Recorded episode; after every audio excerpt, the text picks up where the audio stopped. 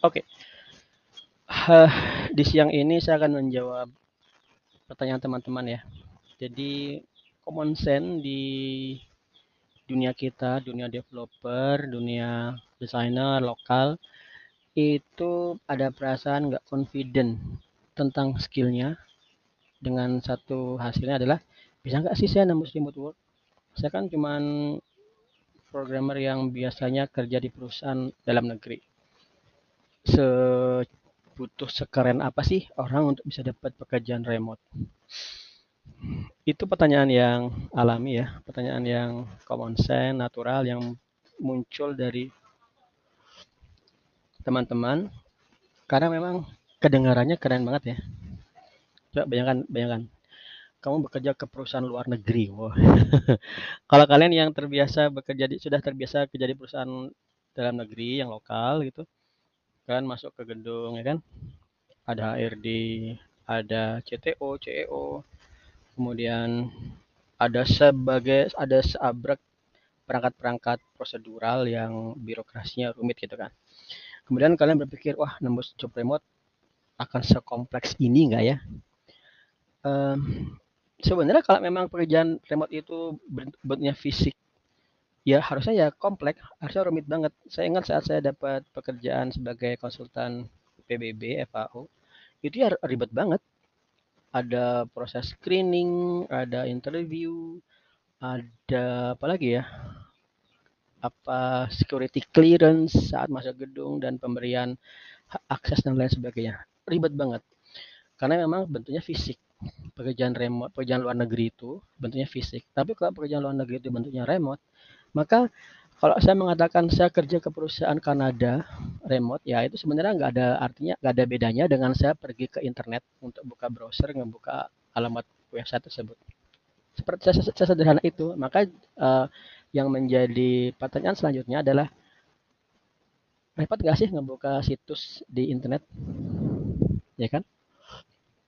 Maka kalau jawabannya adalah gak repot, karena memang gak repot kan, tinggal ngebuka aja situsnya di browser www, misalnya perusahaan itu namanya monetizemore.com, www.monetizemore.com, udah kamu udah masuk ke perusahaan Kanada, perusahaan remote luar negeri. Nah itulah sebenarnya mindset yang harus kita bangun seperti itu. Jangan overthinking. Uh, kebanyakan kita itu overthinking sampai nggak bisa berani mengambil tindakan. Itu banyak banyak kejadian.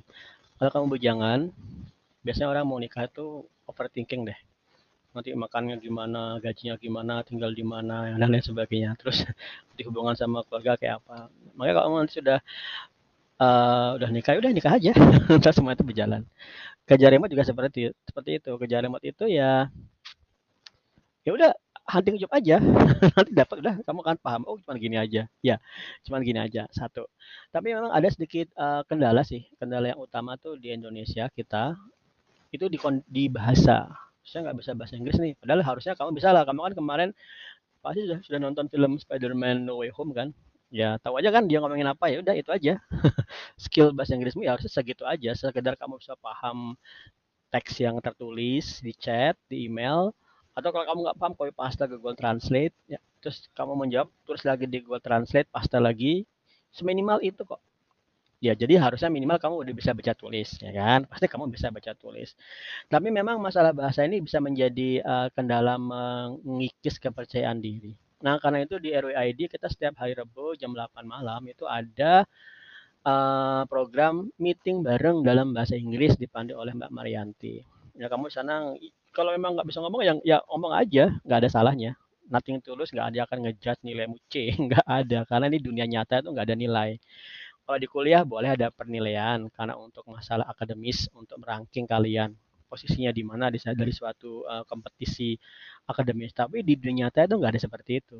Rankingnya adalah bisa nggak kamu menghasilkan suatu solusi untuk permasalahan yang muncul di dunia nyata yang dihadapi oleh klienmu atau perusahaanmu itu yang harus menjadi kamu concern. Karena itu dalam konteks bahasa Inggris, maka jawabannya adalah bukan seperti ini. Bahasa Inggris itu bukan kamu dapat TOEFL 500 enggak atau 550 enggak. Bahasa Inggris yang dipakai di remote work adalah bisa nggak kamu menjawab chat klien. Nah kan kalau paling minimal pakai Google, Google Translate. Tapi memang ada gini, Pak Eko gimana kalau saya diminta uh, speaking dalam bahasa Inggris pakai video call Skype misalnya? Ya, kamu jawab aja. Misalnya kamu nggak confident, kamu jawab aja. Maaf saya nggak bisa confident video call dalam bahasa Inggris, bisa kita chat aja. Mostly, mem, uh, mostly klien tuh akan setuju. Kecuali memang klien yang butuh komunikasi dalam bahasa Inggris. Kalau itu dia mungkin akan bilang seperti ini, oh kalau gitu kamu nggak bisa kerja ke saya itu ada seperti itu ya sudah cari yang lain yang cari klien lain yang butuh yang nggak butuh seperti itu lebih banyak klien yang nggak yang nggak butuh kamu bicara dalam video dalam bahasa Inggris pengalaman saya kerja remote work 11 tahun gituan tuh uh, bisa dihitung kok klien yang minta ngobrol saya malah bisa ngitung satu Loh, cuma dua kayaknya. Cuma dua aja yang minta ngobrol dalam bahasa Inggris. Lainnya ya cukup chat aja. Right.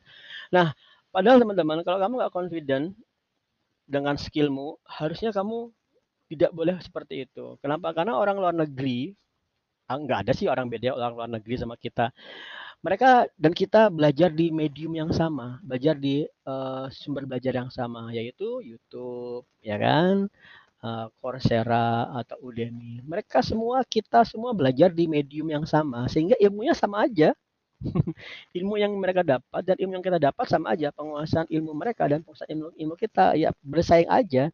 Sejauh mana kamu bisa meluangkan waktu belajar lebih banyak untuk skillmu ya kamu akan bisa compete sama orang-orang dari negara antah berantah sekalipun. Ini proven ya saya di Kanada 4 tahun.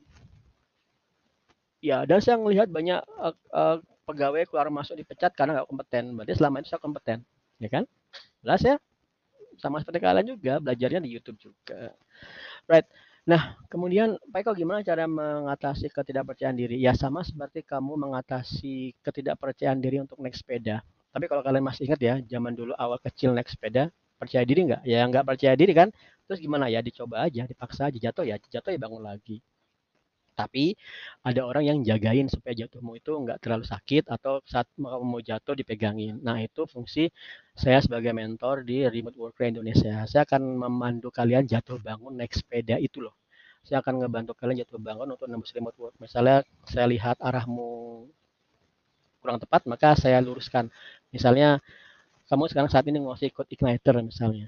PHP code igniter. Maka saya akan bilang, eh jangan yang ini ya, soalnya demandnya sedikit kalau kamu PHP kamu ambil Laravel aja oke? Okay? berarti kamu pindah ke Laravel kamu belajar. Kemudian kamu hunting job saya lihat lagi. Oh cover lettermu terlalu sia-sia kalau kata-katanya terus seperti ini. Gunakan kata-kata yang efektif seperti ini. Nah itu fungsi saya.